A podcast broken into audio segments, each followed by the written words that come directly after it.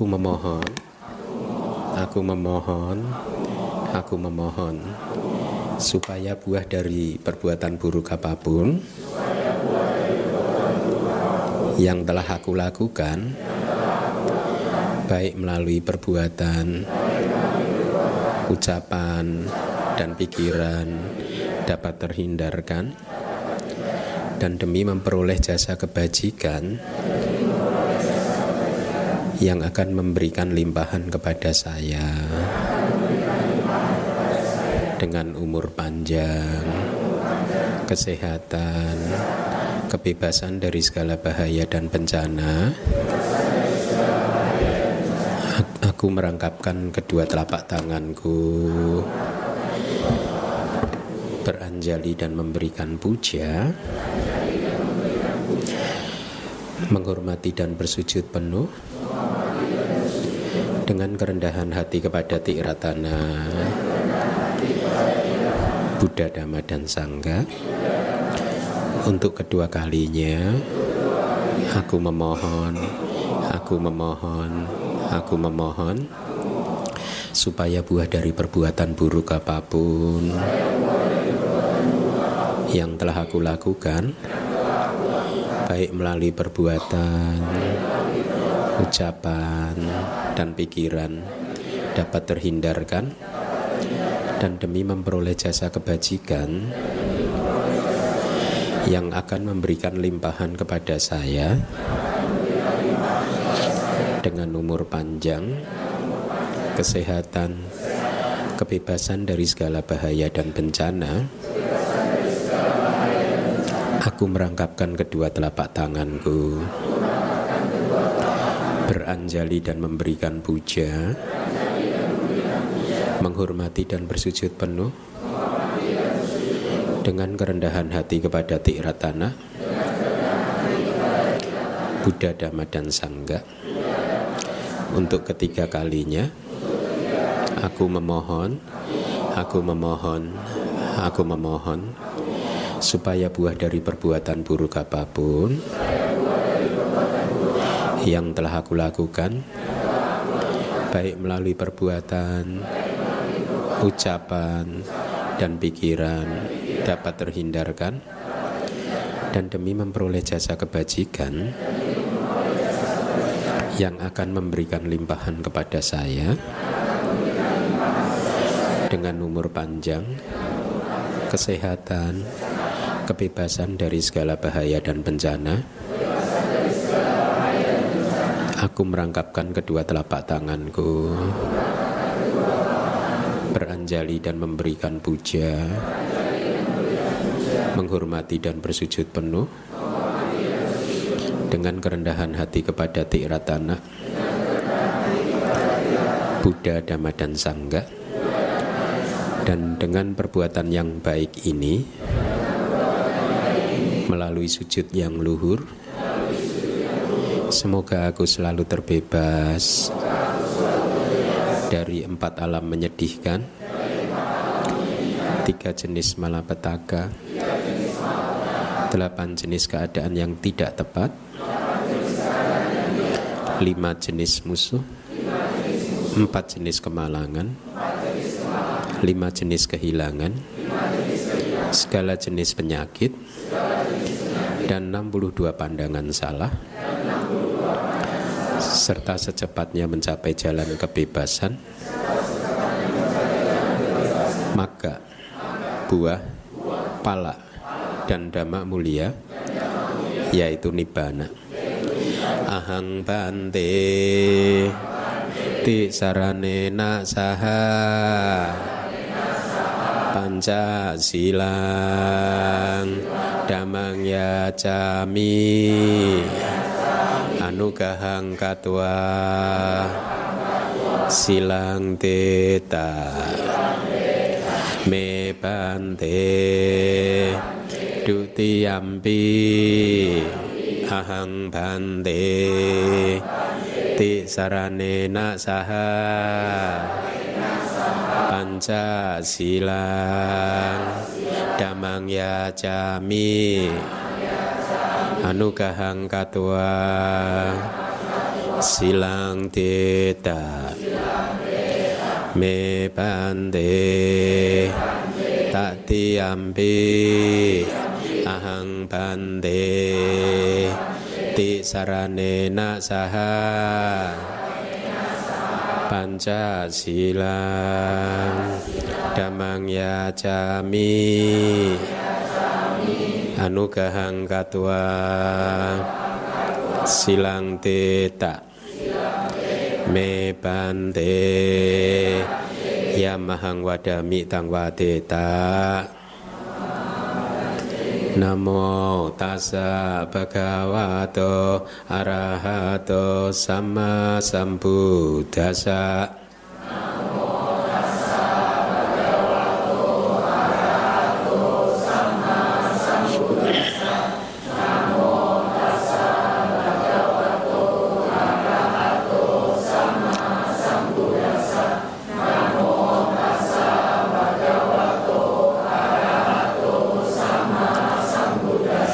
Budang seranang gajami, damang seranang gajami, sanggang seranang gajami. Seranang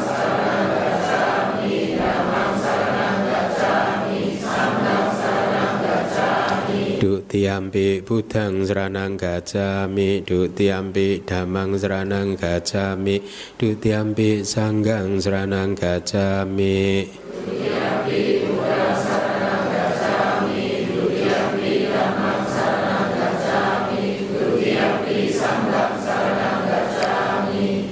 tiampi budang seranang gajami tak tiampi damang seranang gajami tak tiampi sanggang seranang gajami.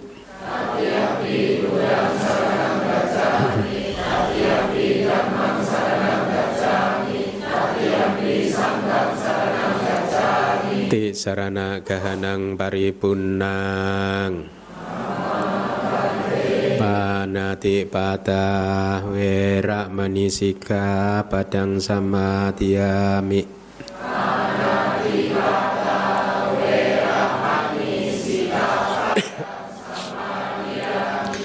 Dina dana wera manisika padang sama tiami.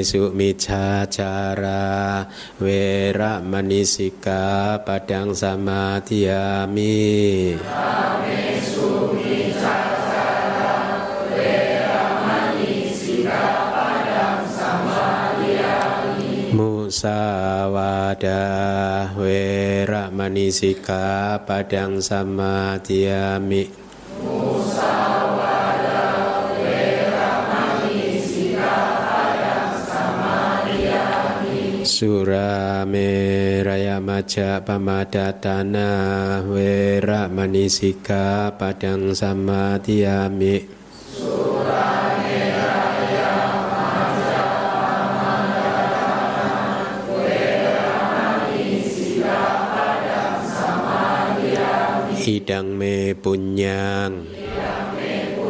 Asawa kaya wahang. Hotu Idang mesilang. Nibanasa Pacayo. Hotu Ti sarana saha Pancasila Damang sadukang katua pemadina sampatita.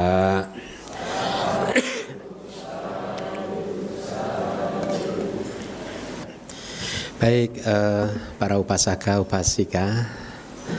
Selamat pagi. Ya, semoga Anda semua dalam keadaan sehat. Ya. Dan dalam keadaan positif. positif itu artinya apa? Batinnya tenang, seimbang, bisa menerima keadaan kehidupan apa pun, ya. Keadaan kehidupan yang sedang baik ataupun tidak baik diterima dengan tenang dan seimbang, ya. Tidak menginginkan apa pun, hanya menerima dengan sepenuh hati karena memang sebenarnya kehidupan itu harus dijalani dengan cara yang demikian. Ya, apa pun yang sedang datang, apa pun yang sedang kita alami, kita harus belajar untuk bisa mampu menerimanya dengan tetap tenang dan seimbang. Kalaupun kita sedang bahagia, batin kita juga harus tetap tenang dan seimbang di dalam menikmati kebahagiaan tersebut tetapi pada saat kita tidak bahagia, batin pun juga harus tenang seimbang dalam menerima menjalani ketidakbahagiaan tersebut. Ya ini adalah ajaran yang diajarkan oleh para orang suci. Ya, batinnya tidak goyah lagi oleh angin-angin dunia. Itulah kedamaian dan kebahagiaan dan kita harus berlatih terus melatih supaya kita mempunyai perilaku kualitas hati yang seperti itu. Ya untuk bisa melatih Buddha sudah uh, apa merumuskannya di dalam kitab uh, suci kita di dalam Tipitaka ajaran-ajaran Buddha yang bermanfaat untuk mencapai keadaan yang seperti itu untuk mencapai keadaan yang batin yang sudah tidak goyah lagi tidak mudah digoyang lagi oleh angin-angin dunia tidak go mudah digoyang lagi oleh suka duka dan lain sebagainya ya. Nah, salah satu ajaran Buddha yang yang sedang kita pelajari sejak tiga minggu yang lalu kelas kali ini adalah kelas yang keempat adalah Manggala Sutta ya Sutta tentang berkah.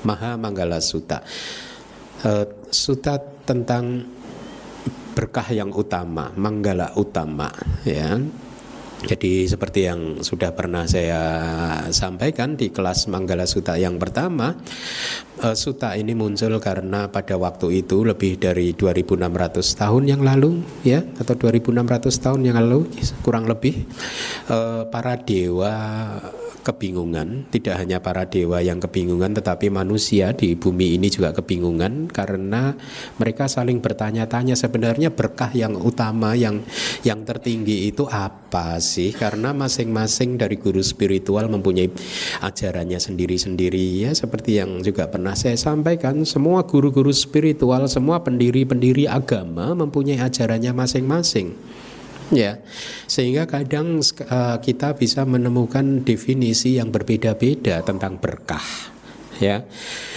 Demikian pula dengan perbuatan baik. Ya, masing-masing tradisi, masing-masing guru spiritual mendefinisikan perbuatannya, perbuatan baik dan perbuatan buruknya masing-masing sehingga satu tradisi dengan tradisi yang lain pun berbeda definisinya, ya.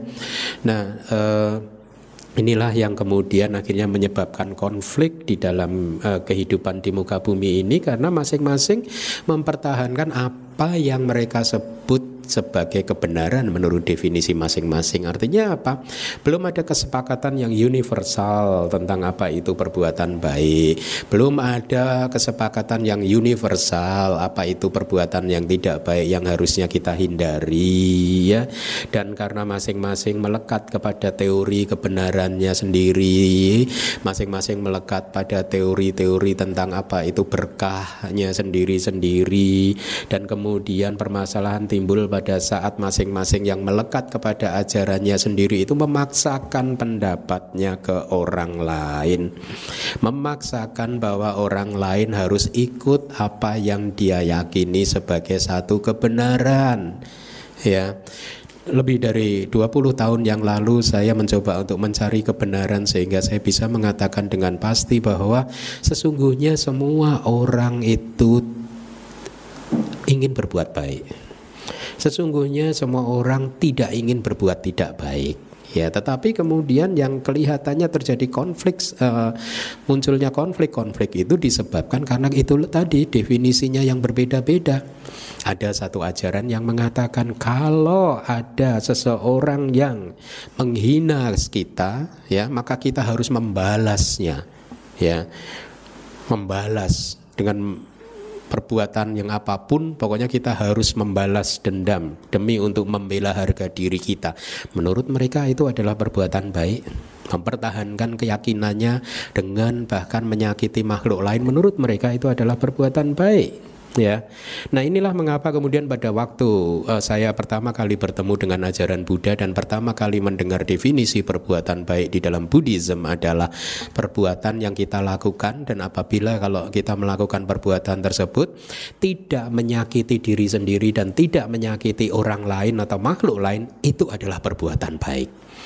Pertama kali saya mendengar seperti uh, ajaran Buddha yang seperti ini, saya kemudian langsung ini yang saya cari Kemudian saya mencoba saya buka kitab suci karena di situlah saya bisa menemukan apa apa saja yang dikatakan oleh Buddha kan.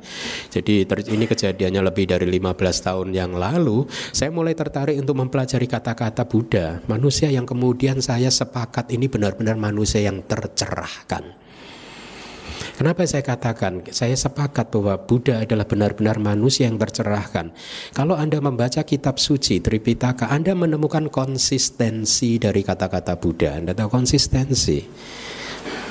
Kata-katanya dari awal sampai akhir sama. Tidak ada kalimat-kalimat yang bersayap. Paham? Kalimat bersayap itu artinya apa? Bisa diinterpretasikan bermacam-macam dalam konteks maksud saya dalam konteks seperti ini Anda tidak akan pernah bisa menemukan kata-kata Buddha baik itu langsung ataupun yang kata-kata Buddha yang tidak langsung yang bisa diterjemahkan menjadi bahwa kita diperbolehkan untuk marah kepada orang lain. Anda tidak akan pernah bisa menemukan atau Anda juga tidak bisa menemukan kata-kata yang lebih kasar lagi bahwa kita bisa menyakiti makhluk lain atau bahkan membunuh makhluk lain. Anda tidak akan pernah bisa menemukan di seluruh kitab suci Tipitaka tidak ada satu kata pun baik langsung ataupun tidak langsung yang bisa kita terjemahkan bahwa Buddha mengizinkan kita untuk membalas dendam. Bukankah ini kenapa tadi saya katakan saya harus sepakat bahwa Buddha adalah manusia yang tercerahkan? Kata-katanya sangat konsisten. Bahkan di dalam salah satu suta Buddha mengatakan seandainya para biku ada segerombolan orang yang jahat, penjahat, bandit ya, dat atau perampok datang dan kemudian menyiksa kamu sampai tulangnya patah-patah. Bahkan dalam keadaan seperti itu kalau kamu masih marah dan dendam kepada dia kamu belum memahami ajaran saya bayangkan konsistensi dari ajaran Buddha hmm? itulah mengapa saya sering mengatakan kalau ada dua orang berantem siapa yang salah Dua-duanya salah. Sudah tidak perlu dilacak lagi kasusnya apa. Sudah mudah. Jadi hakim di agama Buddha itu mudah untuk menentukan siapa yang salah dan siapa yang tidak salah. Mereka yang marah-marah itu yang salah. Hmm? Kalau Anda ada masalah demi mempertahankan, lo kok bisa saya yang salahkan saya sedang mempertahankan kebenaran. No, Buddha tidak pernah mengajarkan kepada kita untuk mempertahankan kebenaran atau mempertahankan diri dengan marah-marah. Bahkan kalau kita disiksa penjahat sampai tulang kita patah-patah pun kita nggak boleh marah dan dendam. Hmm? Dan yang menarik di dalam ajaran Buddha adalah Buddha tidak hanya berhenti di kalimat-kalimat teori seperti ini. Itu yang menarik. Ya. Ini yang sangat sangat sangat mencerahkan kita semua dan kita bersyukur bahwa kalimat-kalimat Buddha, ajaran-ajaran Buddha masih bisa kita buka, masih bisa kita pelajari ya itu lebih karena Buddha tidak hanya mengajarkan kepada kita untuk tidak marah, untuk tidak dendam, tetapi Buddha juga menunjukkan jalan bagaimana sih supaya kita ini hati kita itu bisa terbebaskan dari kemarahan, hati kita bisa terbebaskan dari dendam, hati kita bisa terbebaskan dari semua emosi-emosi yang negatif. Buddha menunjukkan caranya, Buddha Buddha menunjukkan jalannya. Jadi dan tegas sekali Buddha mengatakan bahwa hal-hal seperti ini harus kita latih. Kualitas-kualitas hati yang positif yang bebas dari emosi-emosi negatif adalah kualitas hati yang harus kita latih. Kita tidak akan bisa mendapatkannya hanya dengan berdoa. Anda mau berdoa di depan Buddha sehari 500 kali pun ya, kalau hanya berhenti di berdoa ya seumur hidup batin akan tetap seperti itu, akan tetap kotor. Nah, jadi inilah mengapa tadi saya katakan bahwa oh iya, ini manusia yang benar-benar tercerahkan Beberapa hari yang lalu saya mengatakan kepada umat yang datang kepada saya, saya mendorong mereka untuk bermeditasi dan saya sampaikan kalimat seperti ini. Bermeditasilah karena hanya ber, dengan meditasi ini adalah cara tercepat untuk mengalami transformasi diri. Meditasi adalah cara tercepat untuk berubah untuk merubah kita dari tadinya manusia yang penuh dengan emosi negatif menjadi seseorang manusia yang bebas dari emosi yang sudah tidak lagi uh, apa emosinya tidak sesering yang biasanya. Ini adalah cara tercepat yang bisa membuat kita berubah menjadi manusia yang baik, manusia yang tidak emosional dan sebaliknya tidak hanya bukan manusia yang tidak emosional saja tetapi juga manusia yang kemudian tanaman-tanaman kualitas hati yang baik seperti cinta, kasih, belas, kasih, kesabaran, kebijaksanaan mulai tumbuh, berkembang dan makin lama makin besar. Ya, Anda amati setelah Anda berlatih Buddhism uh, selama beberapa uh, saat, cobalah amati betapa uh, apa uh, kualitas-kualitas positif ya. Cinta kasih Anda yang tadinya mungkin jarang muncul kemudian menjadi secara perlahan-lahan mulai sering muncul dan semakin bisa bertahan lama semakin Anda bisa mempraktekkan tidak hanya cinta kasih tapi kemurahan hati dan kualitas-kualitas hati positif yang lainnya ya. Nah inilah mengapa sekali lagi Ajaran ini ajaran yang sangat luar biasa, sangat mencerahkan dan memberikan pemahaman kepada kita tentang kehidupan ini dengan benar. Saya katakan pemahaman dengan benar karena pemahaman yang benar yang diajarkan oleh Buddha adalah pemahaman yang muncul dari pengamatan Buddha secara langsung terhadap pada malam beliau mencapai penerangan sempurna, beliau mampu mengingat hampir semua dari kehidupan masa lampaunya dan di sana beliau juga melihat kenapa ada satu makhluk hidup di satu alam kemudian meninggal dan terlahir di alam yang lain. Makhluk lain pun juga begitu, habis hidup di satu alam meninggal terlahir di alam yang lain dan kenapa ada makhluk yang terus berputar-putar di dalam samsara dan kenapa ada makhluk yang ke bisa keluar dari samsara. Jadi ini bukan teori, ini adalah apa yang beliau lihat di malam pada saat dia mencapai penerangan sempurna. Beliau melihat hukum karma, beliau melihat hukum sebab dan akibat yang bekerja di dalam kehidupan ini di dalam uh, uh, alam semesta ini di dalam samsara ini bahwa di dalam kehidupan ini ada ber, uh, berlaku hukum-hukum tertentu dan inilah mengapa kita harus mempelajarinya dan mengetahuinya karena hukum-hukum yang diajarkan oleh Buddha adalah hukum yang memang benar-benar muncul dari pengetahuan yang benar.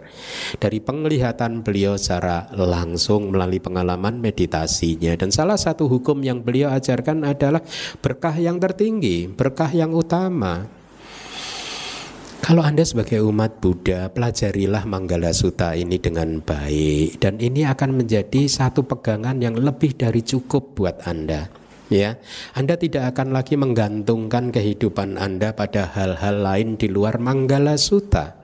Lihatlah umat kita itu masih saja saya pernah dikasih cerita sama salah satu umat kita di Sumatera ya. Katanya ya, maminya itu kalau mau pergi dia poak-poe dulu loh Tawa. Anda tahu ya? Hah? Puak poe loh. Ntar kalau puak poenya itu buka tutup, buka, harusnya buka semua tutup semua ya? Oh, harusnya, hah? Harusnya satu buka satu tutup kan? Kalau dia buka semua atau tutup semua akhirnya nggak jadi pergi loh. Berarti ini sial hari ini gitu. Ya.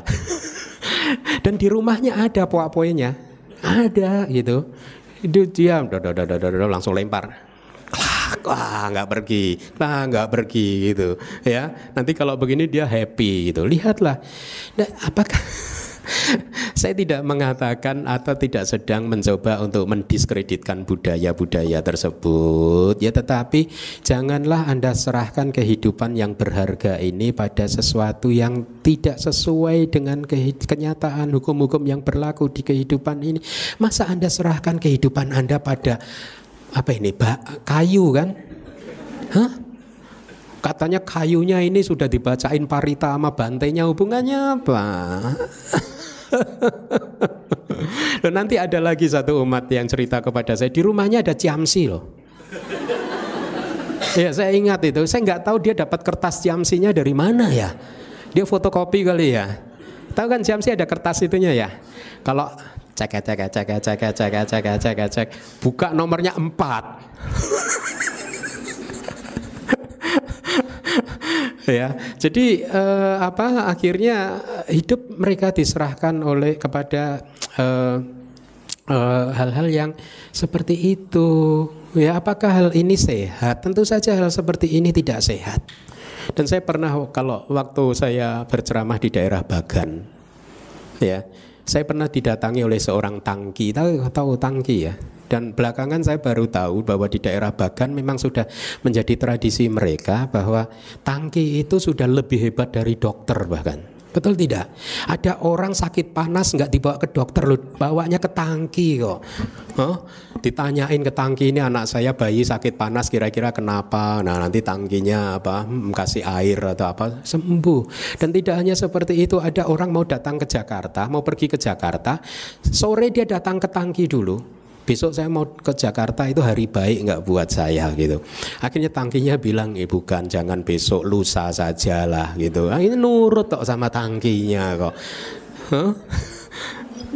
Lihatlah budaya-budaya yang seperti ini itu yang kemudian uh, uh, Buddha mengajarkan kepada kita untuk membebaskan dari hal-hal yang seperti ini, dari hal-hal yang tidak masuk akal, tidak sesuai dengan kenyataan. Oleh karena itu kalau kita ingin apa uh, uh, beruntung di dalam kehidupan kita yang kali ini, kita cukup pelajari Manggala Sutta ya.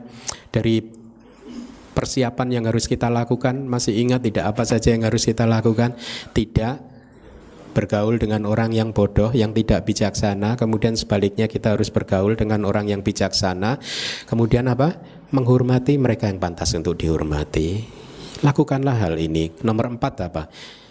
Uh, tinggal di tempat yang strategis, yang cocok, yang sesuai, yang mudah untuk mm, mendengarkan dhamma dan mudah untuk berlatih dhamma, mudah untuk bertemu biku, mudah untuk berbuat baik, melakukan dana kepada sangga dan seterusnya. Kemudian yang kelima adalah telah melakukan perbuatan baik di masa lalu. Artinya apa? Ya di masa lalu sudah terjadi. Nah, sekarang supaya di masa depan kita mendapatkan berkah sudah melakukan perbuatan baik di masa lalu, berarti hari ini kita harus melakukan perbuatan baik ya untuk memuluskan jalan kehidupan kita supaya di dalam perjalanan panjang kita di dalam lingkaran tumimba lahir di alam samsara ini kita senantiasa bisa terlahir di alam yang baik. Kita harus mengamankan setiap kehidupan ini.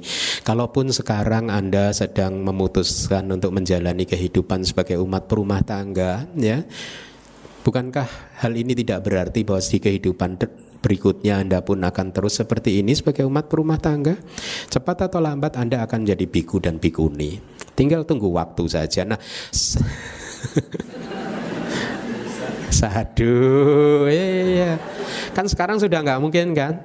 Karena Anda udah salah memutuskan kehidupan Anda kan. Betul tidak? Nah, nggak apa-apa, jangan disesali keputusan Anda yang salah. Tidak, saya tidak mengatakan salah ya. Eh, kehidupan rumah tangga juga menawarkan kebahagiaan tergantung bagaimana kita memperlakukan kehidupan kita itu ya. Nah, baik cepat atau lambat ya anda semua juga akan menjadi biku dan bikuni nanti di dalam kehidupan di masa depan ya karena ini adalah jalan tercepat untuk keluar dari samsara Ya, oleh karena itu di dalam perjalanan panjang di lingkaran tumimba lahir ini kita harus mengamankan setiap kelahiran sebaik-baiknya seperti yang sudah kita dapatkan di kehidupan kali ini. Kita sudah mengamankan satu kehidupan kita kali ini. Mengamankan dengan cara apa? Terlahir sebagai manusia berarti aman kan? Dan tidak hanya terlahir dengan manusia, KTP-nya Buddha. Ya, aman lagi kan? Setelah KTP-nya Buddha, Pariyati ikut. Ya, jadi tidak hanya berhenti di KTP Buddha, Hmm? Tetapi baca namo tasa aja masih nggak bisa. Nah, pariyati, pati-pati meditasinya juga. Ya, jadi dengan demikian kita amankan. Kita sudah aman di dalam kehidupan ini. Ya, karena kehidupan manusia dikatakan alam manusia adalah alam kehidupan yang baik, di mana banyak dari buah-buah karma buruk kita dari eh, karma baik kita dari masa lalu yang eh, mendapat kesempatan untuk berbuah dan banyak dari timbunan karma buruk kita di masa lalu yang tidak mendapatkan kesempatan untuk berbuah. Oleh karena itu relatif secara relatif kehidupan kita sebagai manusia ini cukup bahagia. Betul tidak? Tetapi Anda harus waspada bahwa kehidupan manusia ini ada batasnya. Ya, ada batasnya. Cepat atau lambat kita harus meninggalkan alam kehidupan ini ya dan pada saat kita harus meninggalkan alam kehidupan ini kita harus terlahir lagi mengambil satu kelahiran lagi selama kita belum menjadi seorang arahat. Dan oleh karena itu kita pun juga harus berusaha untuk mengamankan kelahiran yang ke depan dengan cara apa? Dengan cara terus berbuat baik. Ya terus berbuat baik dengan mengisi kehidupan kali ini dengan perbuatan-perbuatan yang baik. Apa sih perbuatan yang baik? Dana, sila, bawana, berdana, melatih sila dan bermeditasi. Dengan terus mengisi dengan hal-hal seperti ini, sesungguhnya tidak hanya kita mengamankan kehidupan berikutnya, tapi kita juga kembali lagi mengisi kehidupan ini dengan kebahagiaan karena sesungguhnya pada saat kita mampu melepas ego kita, melepas uh, uh, apa keserakahan kita maka pada saat itulah kita akan mendapatkan kualitas kehidupan yang tenang, damai dan bahagia. Nah, Manggala Sutta sudah di, diajarkan sedemikian rupa oleh Buddha berisi 38 berkah yang tertinggi ya yang harus kita ciptakan sendiri kita tidak bisa mengharapkan orang lain untuk menciptakannya buat kita. Kita tidak bisa menunggu hanya dengan berdoa kita tunggu semoga berkah-berkah ini datang di dalam kehidupan kita tidak. Kita harus menciptakan, kita harus berjuang menciptakannya supaya terjadi di dalam kehidupan kita. Kita harus berjuang menciptakannya supaya ini menjadi sifat kita, sifat kita. Seperti misalkan berkah yang berikutnya tadi, setelah uh, telah melakukan perbuatan baik apa? Uh, apa? Patirupa Desa Wasuja Pubeja kata punya tak? Atas sama panidija telah bertekad untuk menjadi seorang yang baik ya.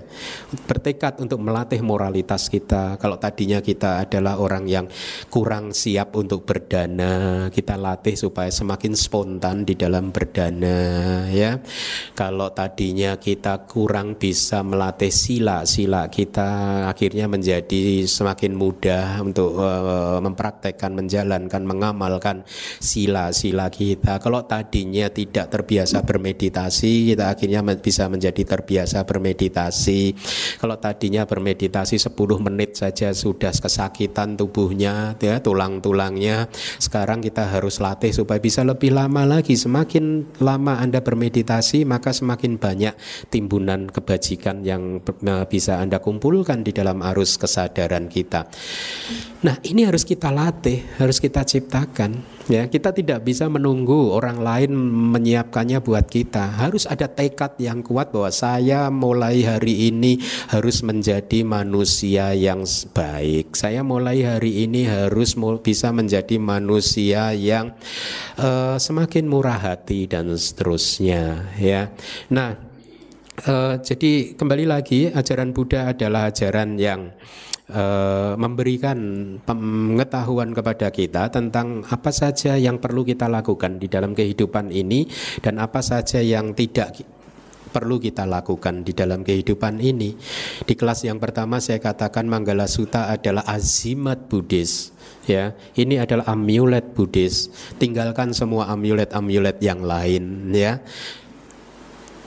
Bangunlah satu sikap yang bijaksana yang muncul dari pemahaman terhadap dhamma yang benar yang muncul dari sikap untuk mengikuti ajaran Buddha yang benar ya karena itu sesungguhnya adalah azimat-azimat Anda ya. Nah, uh, mari kita lihat di layar uh, seperti yang sudah pernah saya sampaikan di kelas sebelumnya dari 38 berkah yang tertinggi dibagi menjadi uh, tiga kelompok utama yaitu sila, samadhi dan panya. Panya kita masih berada di kelompok uh, sila ya. Uh, di minggu-minggu yang lalu kita sudah mempelajari manggala yang pertama sampai manggala yang ke-10 ya. Uh, berkah yang pertama sampai dengan berkah yang uh, ke-10 ya pada pagi hari ini kita akan mencoba uh, membahas berkah yang berikutnya yaitu berkah yang ke-11. Dengan demikian ini sudah masuk kepada apa yang dalam klasifikasi pengelompokan 38 berkah tertinggi sebagai kewajiban. Kewajiban yang harus kita lakukan. Ya.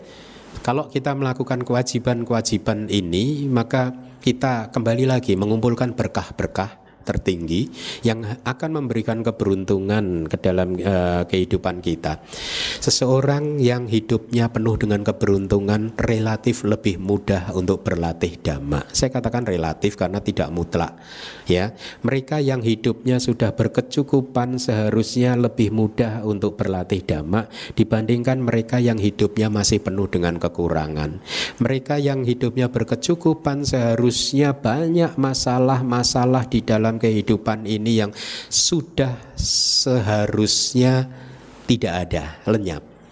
Banyak masalah yang lenyap. Kalau Anda merasa Anda sebagai seseorang yang berkecukupan tetapi Anda merasa masih banyak masalah di dalam kehidupan, berarti masih ada cara pandang Anda yang masih keliru.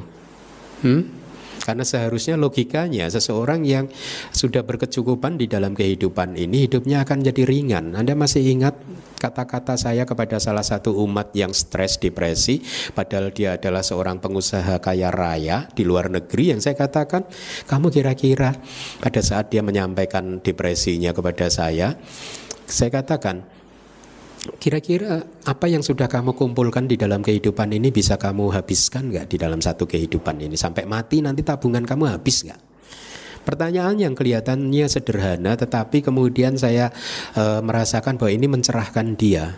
Untuk pertama kalinya dia berpikir bahwa kekayaan dia tidak bisa habis di dalam kehidupan ini. Sehingga kemudian saya katakan, kalau nggak bisa habis, kenapa kamu stres? Kenapa kamu depresi?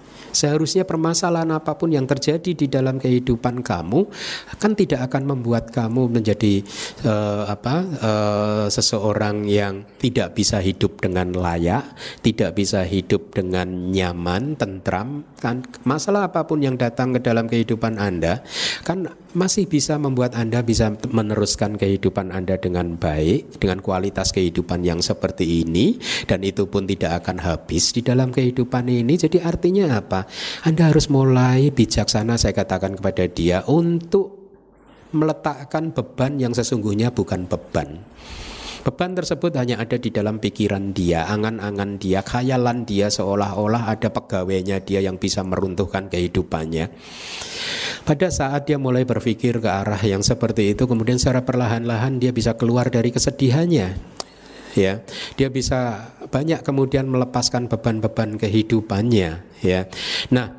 Uh, Itulah yang saya katakan, uh, uh, yang saya juga berharap kepada ini terjadi kepada anda bahwa bangunlah pemahaman tentang kehidupan yang baik ya sehingga anda mulai bisa menikmati kehidupan anda dengan uh, lebih positif lagi.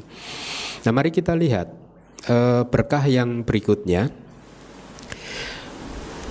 Berkah yang ke-11 yaitu menyokong ibu dan ayah, menyokong papa dan mamah kita. Ya, ini adalah kewajiban yang harus uh, kita lakukan.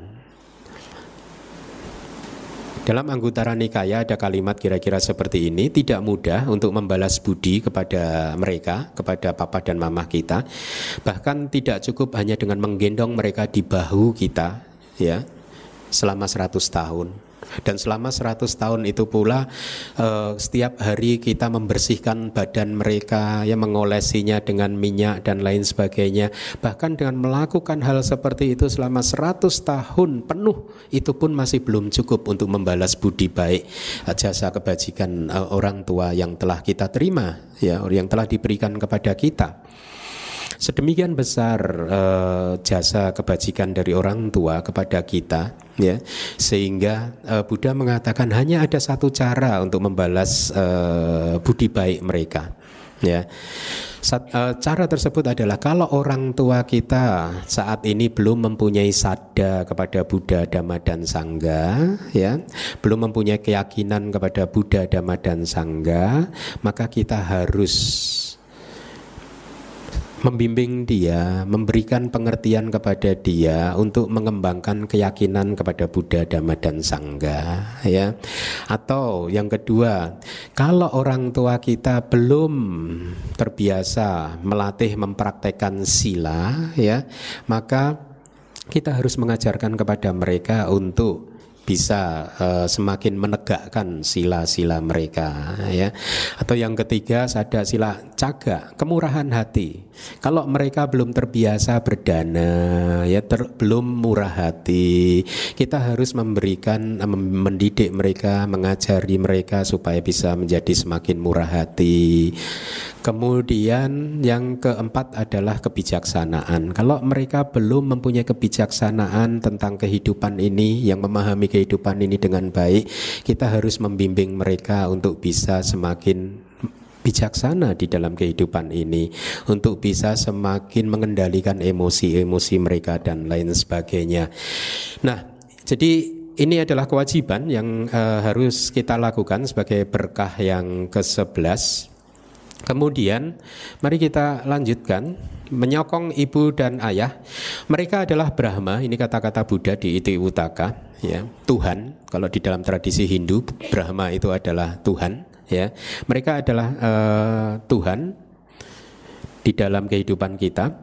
Guru pertama karena mereka adalah seseorang yang mengajarkan ilmu-ilmu uh, yang pertama kali seperti kita yang tadinya tidak bisa membaca kemudian kita bisa membaca dan seterusnya mereka adalah orang yang pantas untuk menerima hadiah dari anak-anak mereka mereka uh, Orang yang bijaksana harus menghormati dengan menyediakan makanan, minuman, pakaian, tempat tidur, memandikan dan membasuh kaki mereka. Dengan melaksanakan hal yang demikian, dia dipuji di kehidupan ini dan setelah mendapat uh, setelah meninggal dia akan mendapatkan kebahagiaan di alam uh, surga. Jadi lihatlah apa yang harus kita lakukan kepada orang tua kita. Kewajiban-kewajiban apa yang harus kita lakukan kepada orang tua kita. Orang modern cenderung tidak mau susah ya di negara-negara modern sudah ada satu budaya kalau orang sudah mulai memasuki usia tertentu dia dimasukkan di panti jompo ya Walaupun cara pemikiran mereka uh, sangat bagus karena menurut mereka dengan uh, ditempatkan di panti jompo maka orang tua akan mendapatkan kehidupan yang baik ya akan mendapatkan perawatan dari perawat-perawat yang profesional yang telah dididik untuk memang merawat orang-orang yang tua seperti itu. Dan juga mereka mendapatkan uh, teman yang sebaya ya. Karena di panti jompo biasanya diisi oleh orang-orang yang uh, juga sebaya dan akhirnya mereka bisa berteman bermain bersama-sama bermain catur dan lain sebagainya ya. Tetapi apa pun sesungguhnya ya kalau kita memutuskan orang tua kita untuk masuk ke dalam panti jompo kita kehilangan satu berkah untuk merawat mereka. Ya kita kehilangan satu kesempatan untuk membantu mereka yang tadinya tidak mempunyai sada, sila, caga dan panya. Ya kemudian kita bantu supaya sada, sila, caga, panyanya menjadi semakin berkembang dan uh, semakin sempurna. Ya. Nah oleh karena itu uh, di dalam kitab-kitab komentar di, juga dikatakan bahwa dengan menyokong ibu dan ayah ini adalah perbuatan baik yang sering kali karma itu akan berbalik kepada kita persis seperti apa yang kita lakukan. Kalau kita bisa merawat orang tua kita ya di dalam satu kitab komentar dijelaskan karma ini bisa berbuah nanti kalaupun kita tua juga anak-anak akan merawat kita. Saya sudah bertemu dengan beberapa orang tua ya dan mm, eh, menangkap satu kesedihan dari mereka ya beberapa dari mereka mengatakan seperti ini.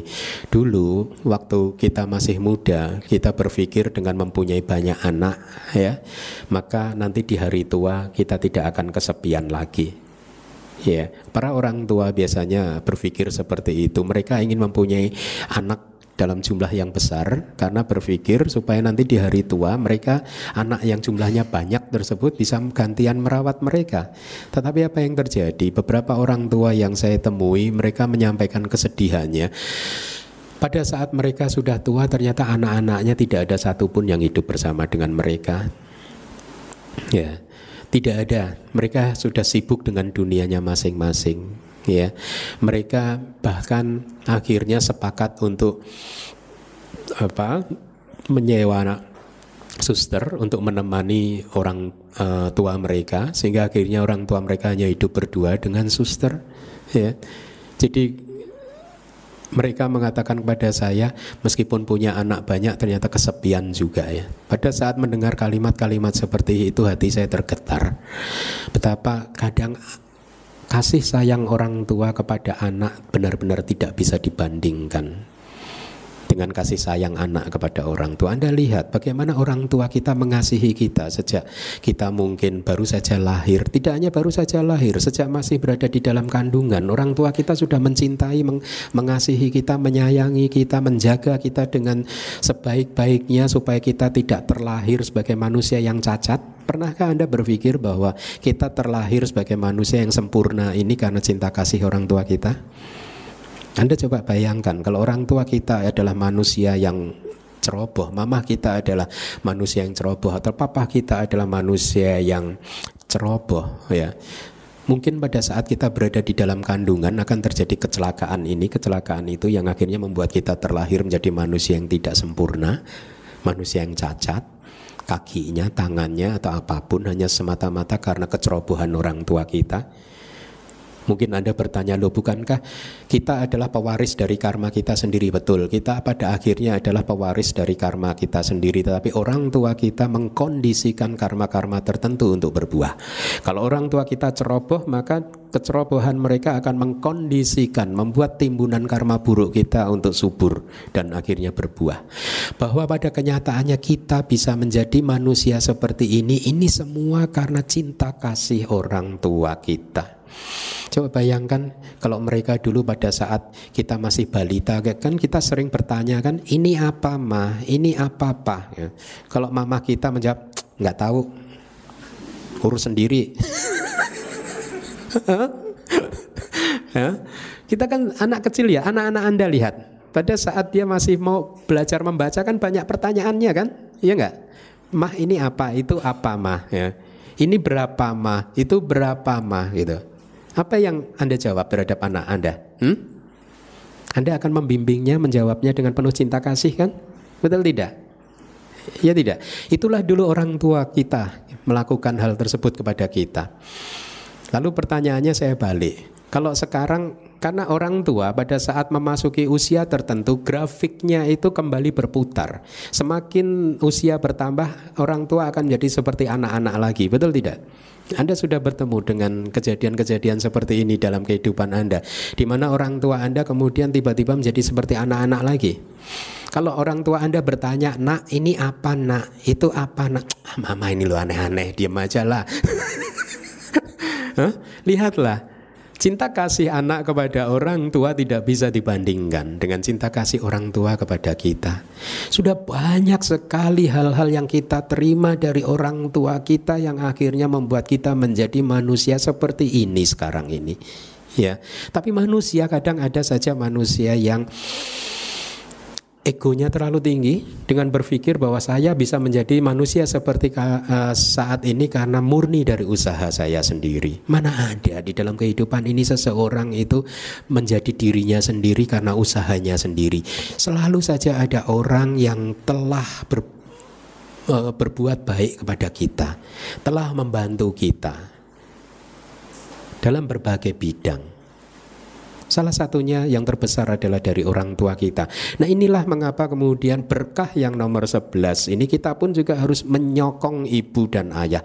Bahasa palinya adalah upadhana, menyokong. Upadhana itu artinya kalau di dalam arti yang benar itu adalah kita harus senantiasa hadir setiap saat untuk siap sedia menolong mereka.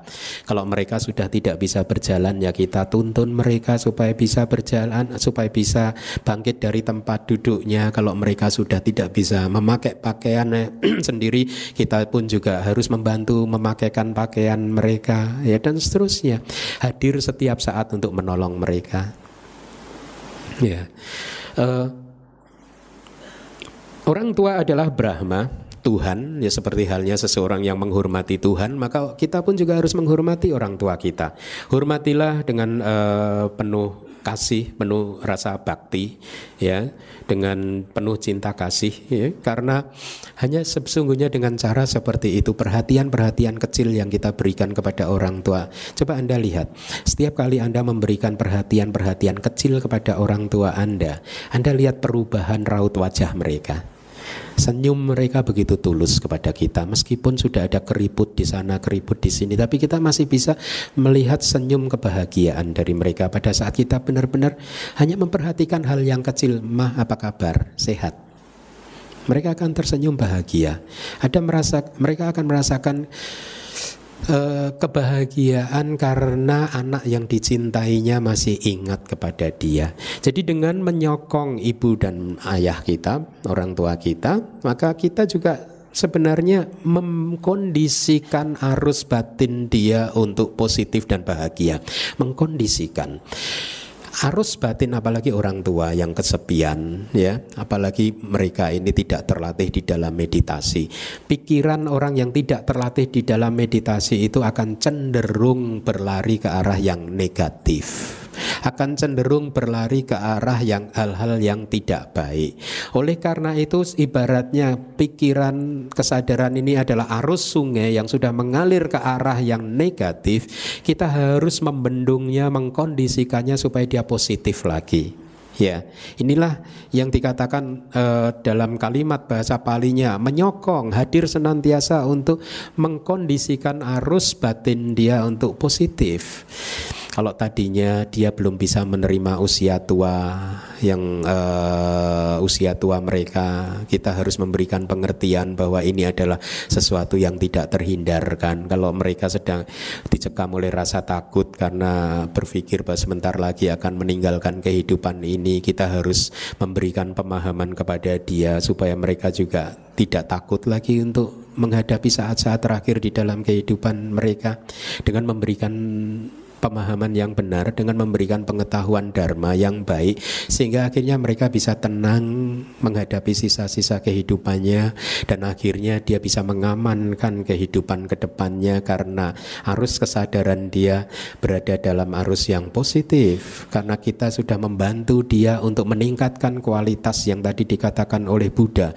Hanya dengan membantu mereka dalam empat hal ini maka kita bisa membalas jasa kebajikan orang tua kepada kita yaitu meningkatkan sada sila caga panya.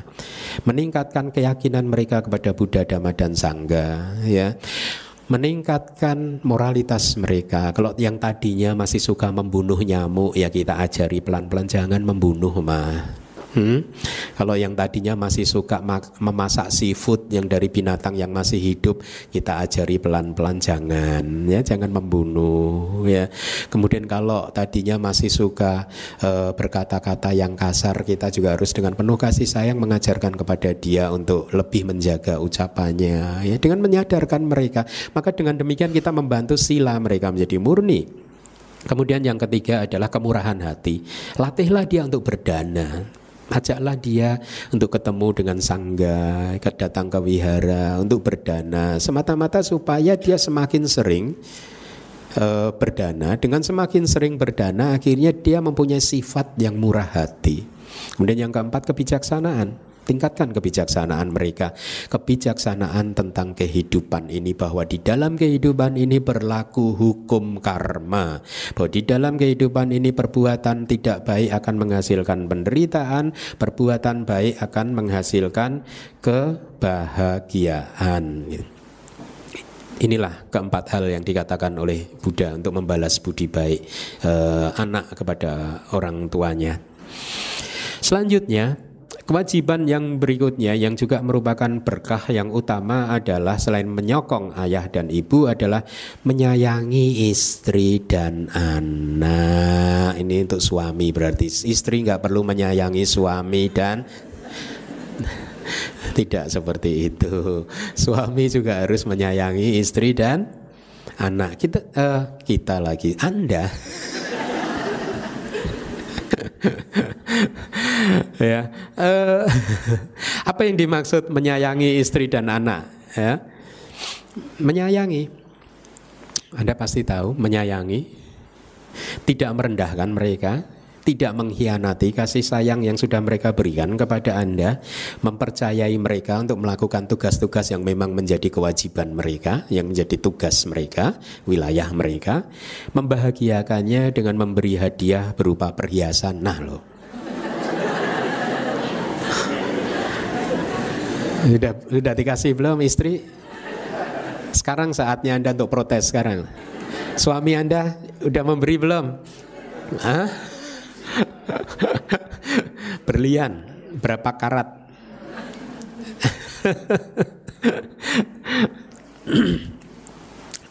Walaupun kalimatnya adalah menyayangi istri dan anak, hal ini tentu saja tidak hanya berlaku untuk untuk suami, ya, istri pun juga demikian. Sebaliknya dengan logika yang sama, istri juga harus menyayangi suami dan anak. Setiap kali saya melihat uh, rumah tangga berada dalam konflik, suami istri bertengkar, tidak cocok, ya, uh, atau kejadian yang saya alami sendiri kira-kira tahun 2011 saya bertemu dengan seseorang yang saya tahu persis sejak dia masih kecil ya. E, saya kenal dia sejak dia kecil. Dia adalah se seorang yang pandai sekolahnya berprestasi ya. Kemudian karena saking pandainya dia kalau sekolah dulu lompat-lompat. Ya. Kalau saya tidak salah dia umur kurang dari 20 tahun sudah sarjana. Ya. E, kalau di luar negeri udah biasa, enggak, tapi kalau di Indonesia tentu hal itu sesuatu yang tidak biasa kan.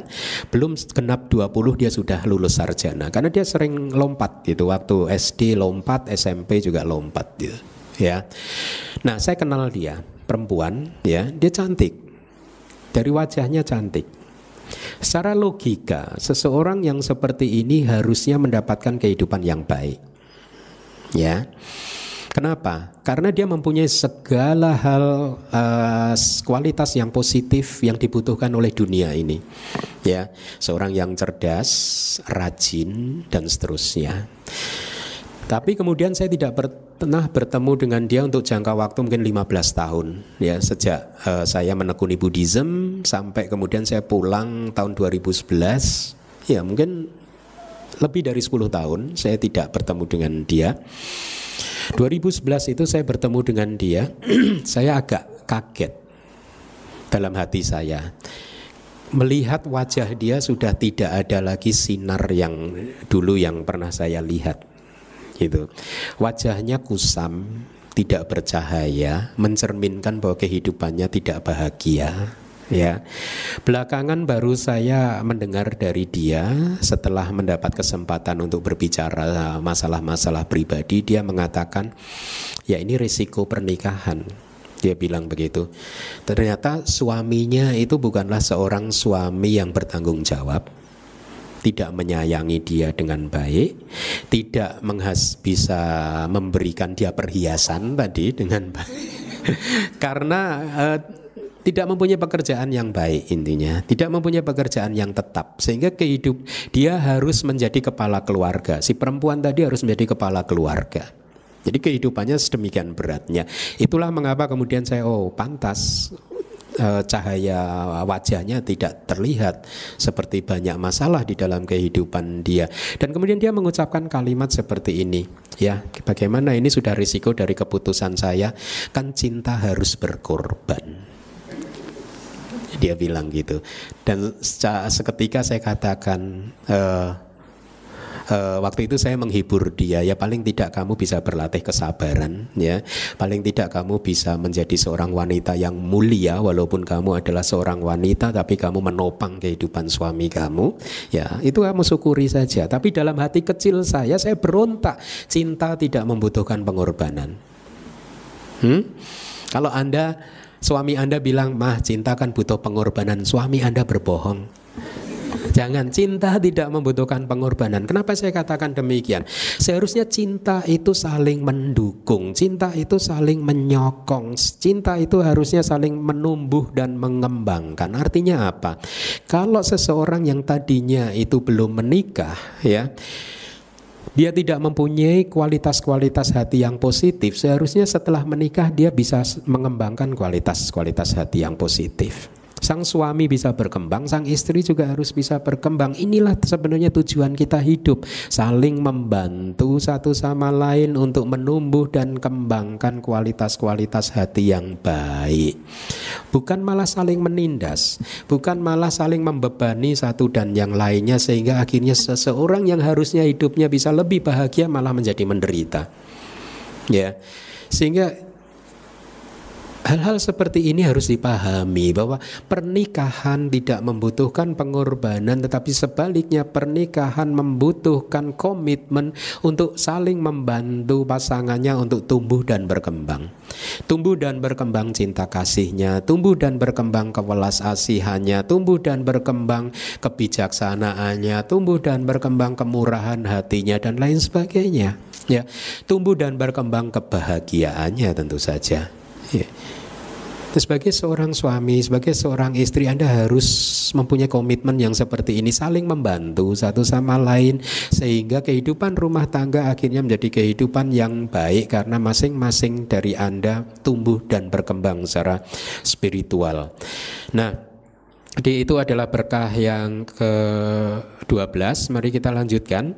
Sebagai balasannya ya seseorang seorang suami yang menyayangi istri dan anak, sebagai balasannya dia akan uh, istri akan bersimpati kepada suami ya, melaksanakan kewajibannya dengan baik, tidak berkhianat, menyimpan dan menjaga kekayaan yang dikumpulkan ini hanya kata-kata Buddha yang diajarkan kepada anak muda yang bernama Sigala 2600 tahun yang lalu. Intinya adalah suami istri harus saling berkomitmen untuk saling mensupport saling menumbuh kembangkan tidak saling menindas tidak saling malah mengancam mengintimidasi membuat satu pihak menjadi tidak bahagia. Ya anda adalah uh, kelompok terkecil di dalam samsara ini yang seharusnya bisa saling bergandengan tangan, saling membantu supaya bisa cepat keluar dari samsara ini ya. Karena mereka adalah orang terpenting di dalam kehidupan Anda. Ya, di dalam kehidupan di dalam samsara ini orang terpenting di dalam kehidupan Anda adalah pasangan Anda. Orang terpenting di dalam kehidupan Anda adalah anak-anak Anda. Kenapa saya katakan mereka adalah orang terpenting di dalam kehidupan Anda? Karena misalkan saja seluruh manusia di muka bumi ini memusuhi Anda. Ya. Tidak enak ya berada di dalam satu kehidupan di mana semua orang memusuhi kita. Ya. Tetapi apabila mereka orang-orang yang Anda cintai tadi, istri, suami atau anak-anak Anda tidak memusuhi Anda, Anda tidak kehilangan apa pun. Anda masih mempunyai tempat untuk berlabuh.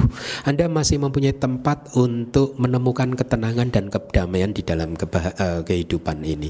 Oleh karena itu, karena mereka adalah orang-orang terpenting di dalam kehidupan Anda, jagalah mereka sebaik-baiknya. Mereka adalah tempat yang bisa memberikan ketenangan pada saat hati Anda tidak tenang. Mereka adalah tempat yang bisa memberikan kenyamanan, ketentraman dan kebahagiaan pada saat seluruh dunia sedang memusuhi Anda.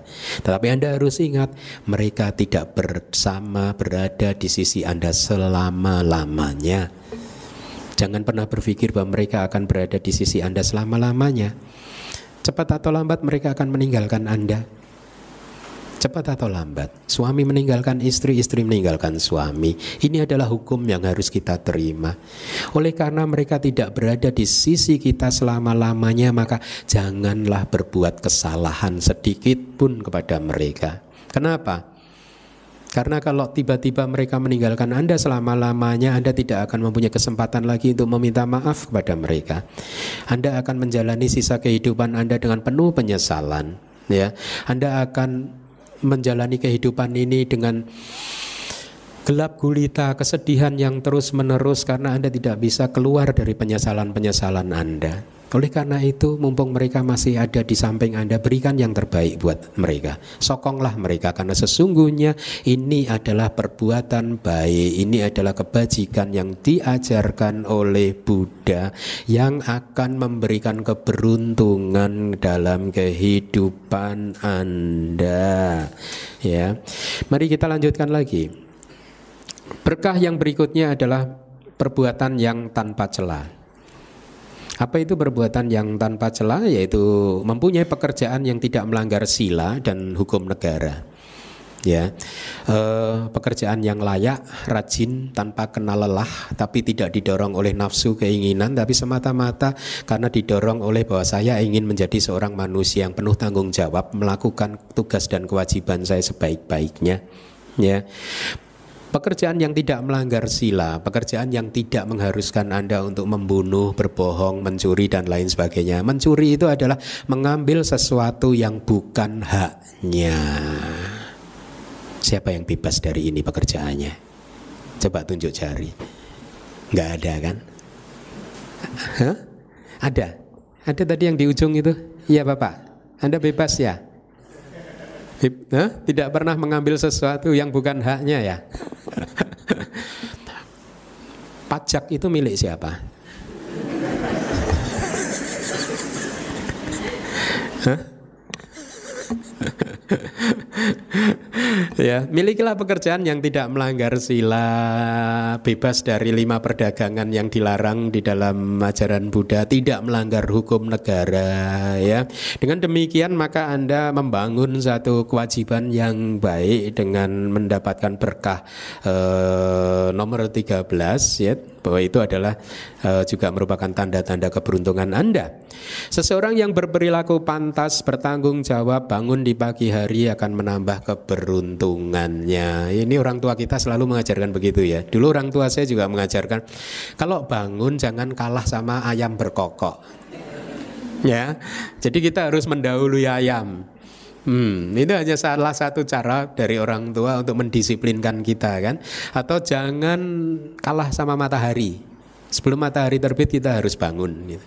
Ya dulu orang tua kita kalau mengajarkan kita supaya tidak menjadi seorang yang pemalas itu seperti itu.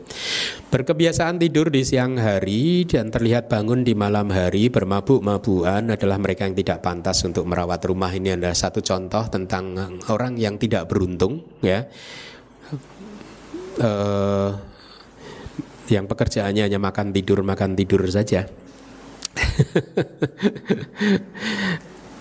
Bekerja yang uh, tidak melanggar sila, bebas dari konflik itu juga artinya mempunyai satu pekerjaan yang tidak memperkuat kilesa-kilesa kita. Nah, Anda harus juga uh, senantiasa waspada, bekerjalah tetapi hati-hati, jaga hati Anda. Jangan sampai karena bekerja maka loba, dosa, moha Anda menjadi semakin kuat.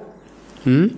Keserakahan Anda, kemarahan, kebencian Anda, delusi Anda, nafsu-nafsu Anda menjadi semakin kuat. Bekerjalah untuk jadi pekerjaan itu adalah satu alat untuk membantu Anda untuk melemahkan loba dosa moha, untuk melemahkan keserakahan, kebencian dan delusi, khayalan.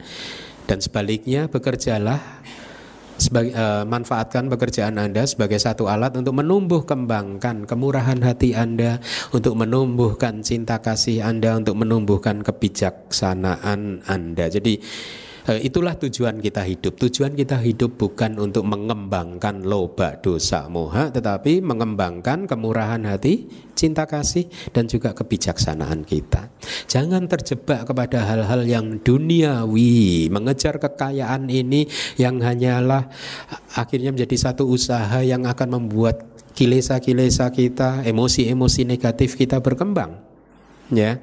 Nah, dengan terus-menerus memahami bahwa tugas di dalam kehidupan kita, di dalam samsara ini pada hakikatnya adalah untuk menghancurkan kilesa, maka pada saat Anda bekerja pun Anda manfaatkan pekerjaan Anda sebagai sarana untuk melatih kemurahan hati Anda, cinta kasih Anda dan kebijaksanaan Anda, maka dengan demikian Anda telah mendapatkan Manggala yang ke-13, berkah yang ke-13 mempunyai satu perbuatan pekerjaan yang tanpa celah karena Anda melakukan apa saja tidak untuk meningkatkan kilesa-kilesa Anda. Yang ke-14 adalah bermurah hati, berdana. Sering-seringlah berdana karena ini adalah latihan Buddhis yang paling sederhana ya karena ini adalah latihan Buddhis yang menjadi fondasi di dalam latihan-latihan Anda. Kita mengenal tiga latihan Buddhis yaitu dana, sila dan bawana. Ya, berdana sebagai landasan untuk melatih moralitas kita ya dan moralitas kita adalah landasan untuk melatih meditasi kita. Tetapi di dalam uh, Tripitaka uh, pada uh, aktivitas berdana ada berbagai faktor yang harus kita perhatikan. Yang pertama adalah benih atau uh, benda yang kita danakan itu harus uh, sesuatu yang atau dari diri kita cara kita mempersembahkannya itu adalah harus sesuatu yang baik atau yang disebut sebagai uh, oleh Buddha adalah sebagai tiga faktor dari sisi yang berdana orang yang berdana yaitu apa? Sebelum berdana hati kita harus bahagia ya. Kemudian pada saat kita berdana memberikan uh, persembahan kepada objek yang menerima persembahan hati kita harus penuh dengan rasa suka sukacita, bersyukur bahwa kita mempunyai kesempatan untuk uh, berdana, perasaan bahagia yang dipenuhi oleh keyakinan bahwa ada hukum karma yang bekerja, ya, bahwa ini adalah perbuatan baik yang akan menghasilkan kebahagiaan. Kemudian setelah memberi hati kita juga harus bergembira. Jadi ini adalah tiga faktor yang harus dimiliki oleh pemberi, oleh Anda pada saat Anda berdana. Ya, saya ulangi lagi, sebelum memberi hati Anda harus bahagia usahakan kembangkan kebahagiaan sesaat sebelum Anda memberikan dana Anda, kemudian pada saat memberi e, benda atau objek yang akan Anda danakan, hati Anda harus e, penuh sukacita, didorong oleh keyakinan terhadap bekerjanya hukum karma. Kemudian setelah memberi juga hati Anda e, bergembira. Jadi dengan memenuhi tiga faktor ini, e, maka benih yang Anda tanam adalah benih yang baik ya kualitasnya baik ya. Tetapi masih ada lagi faktor yang lain yaitu benih yang baik tadi Anda tanam di mana? Ladangnya. Tiga faktor dari bukan pemberi ini tiga faktor dari penerima maksudnya. Tiga faktor yang harus dimiliki oleh yang menerima dana Anda yaitu adalah mereka yang sudah menghilangkan keserakahan atau mereka yang sedang berusaha menghilangkan keserakahan. Yang kedua, mereka yang sudah menghilangkan kebencian atau mereka yang sedang berusaha menghilangkan kebencian. Yang ketiga, mereka yang sudah menghilangkan delusi atau moha atau mereka yang sedang berusaha keras untuk menghancurkan mohanya. Singkat kata, mereka adalah seorang sotapana sakadagami, anagami arahat atau mereka yang sedang berjuang keras untuk mencapai keadaan uh, menjadi orang yang suci seperti itu. Ya, maka kalau anda menemukan objek yang seperti itu, mereka adalah ladang yang subur. Ya, karena benih yang subur, benih yang berkualitas baik. Kalau kita tanam di ladang yang tidak subur juga nanti buahnya juga tidak manis, ya. Tapi kalau benihnya sudah KW super, kemudian ladangnya juga subur, masih ada lagi. Bagaimana Anda cara uh, menanam benih tadi? Cara Anda menanam bagaimana? Apakah Anda memberikannya dengan tidak mempunyai rasa hormat sama sekali, dengan merendahkan yang menerima, ya? Atau mungkin uh, Anda berdana sebenarnya karena Anda ikut-ikutan teman Anda? Anda sendiri tidak mempunyai sada keyakinan terhadap uh, perbuatan baik tersebut ya atau Anda berdana dengan cara melemparnya kalau di dalam kitab-kitab itu diberikan ini bantai ya atau atau bagaimana jadi jadi tata cara bagaimana kita mempersembahkan dana juga akan mempengaruhi buah dari dana eh, tersebut. Setelah cara menanam baik, jadi cara menanam yang baik itu yang seperti apa? Kita harus memberi dengan penuh keyakinan terhadap bekerjanya hukum karma. Kita harus berdana dengan penuh rasa hormat. Oleh karena itulah di tradisi Theravada diajarkan kalau seseorang berdana, katakanlah berdana makan kepada sangga dengan cara yang seperti kita praktekkan di atas ya atau dengan cara-cara lain itu semata-mata untuk memastikan supaya kita menanam benih karma kita dengan cara yang baik supaya apa supaya buahnya nanti juga baik. Buahnya juga nanti akan menjadi buah yang sangat besar. Jadi dikatakan oleh Buddha bahwa berdana yang dipenuhi oleh faktor-faktor tadi adalah berdana yang akan memberikan buah yang sangat besar. Bahkan kalimat Buddha, buahnya tidak bisa kita ukur dan tidak terbatas. Ya. Diberi perumpamaan oleh Buddha seperti halnya kita tidak bisa mengukur air di samudra. Air di samudra itu ada berapa liter? Ya. Jumlah air, volume air di dalam samudra itu tidak terbatas tidak terhitung. Demikian pula dengan kekuatan dana yang Anda berikan dengan dana yang terpenuhi oleh tiga faktor dari pemberi dan tiga faktor dari penerima tadi, kekuatan dari dana yang seperti ini juga tidak terbatas, tidak terhitung dan tidak terbatas ya. Karena dia akan bisa memberikan kebahagiaan tidak hanya di dalam kehidupan kali ini, kekuatan dana tersebut akan juga bisa mendorong kemunculan kelahiran-kelahiran di alam yang baik, alam manusia, alam surga ya. Dan itu pun berkali-kali tidak hanya itu, dana kita akan mengkondisikan kita untuk mendukung kita mencapai maga dan pala sehingga akhirnya kita bisa keluar dari alam samsara ini.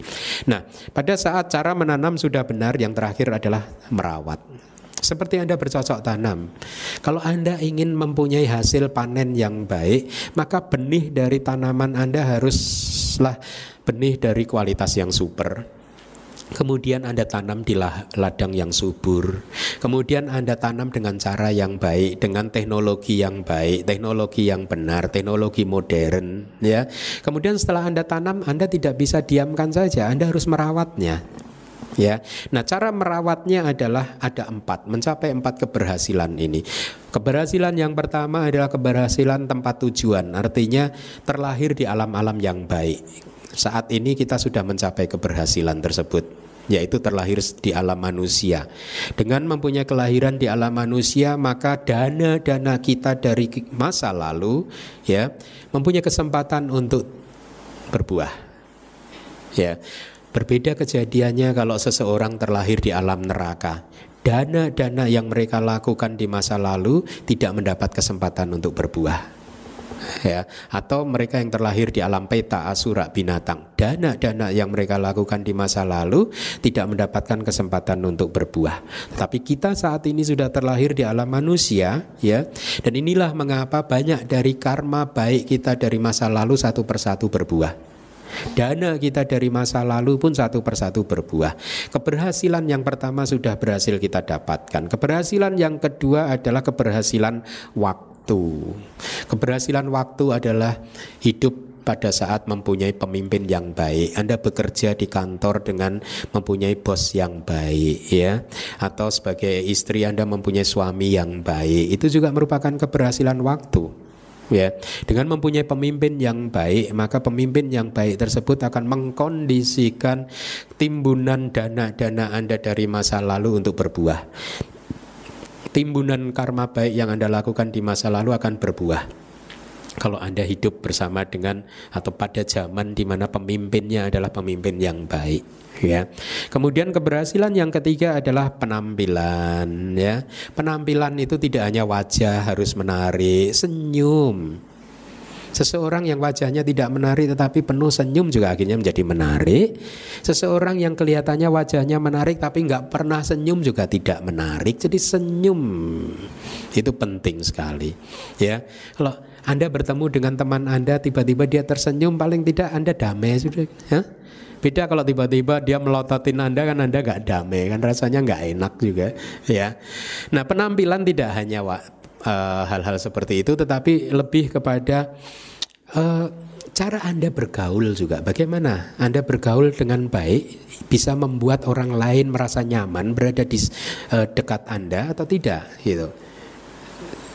Jadi sifat-sifat yang membuat kita itu bisa memberikan keamanan, kenyamanan, kebahagiaan kepada lingkungan kita, ini pun akan mengkondisikan karma-karma baik kita di masa lalu untuk berbuah ya. Kemudian yang keempat adalah cara. Cara itu ya perilaku kita sering berbuat karma baik ya. Sering berbuat uh, sepuluh kebajikan punya ya. Sering menolong orang dan lain sebagainya. Maka dengan demikian uh, kita mengkondisikan karma-karma baik dari masa lalu untuk berbuah. Nah dengan uh, demikian maka dana-dana yang uh, anda tanamkan di dalam arus kesadaran Anda akan mempunyai kesempatan untuk tumbuh subur dan berbuah. Baik, jadi saya rasa ini yang bisa kita uh, sampaikan untuk kelas pagi hari ini. Terima kasih.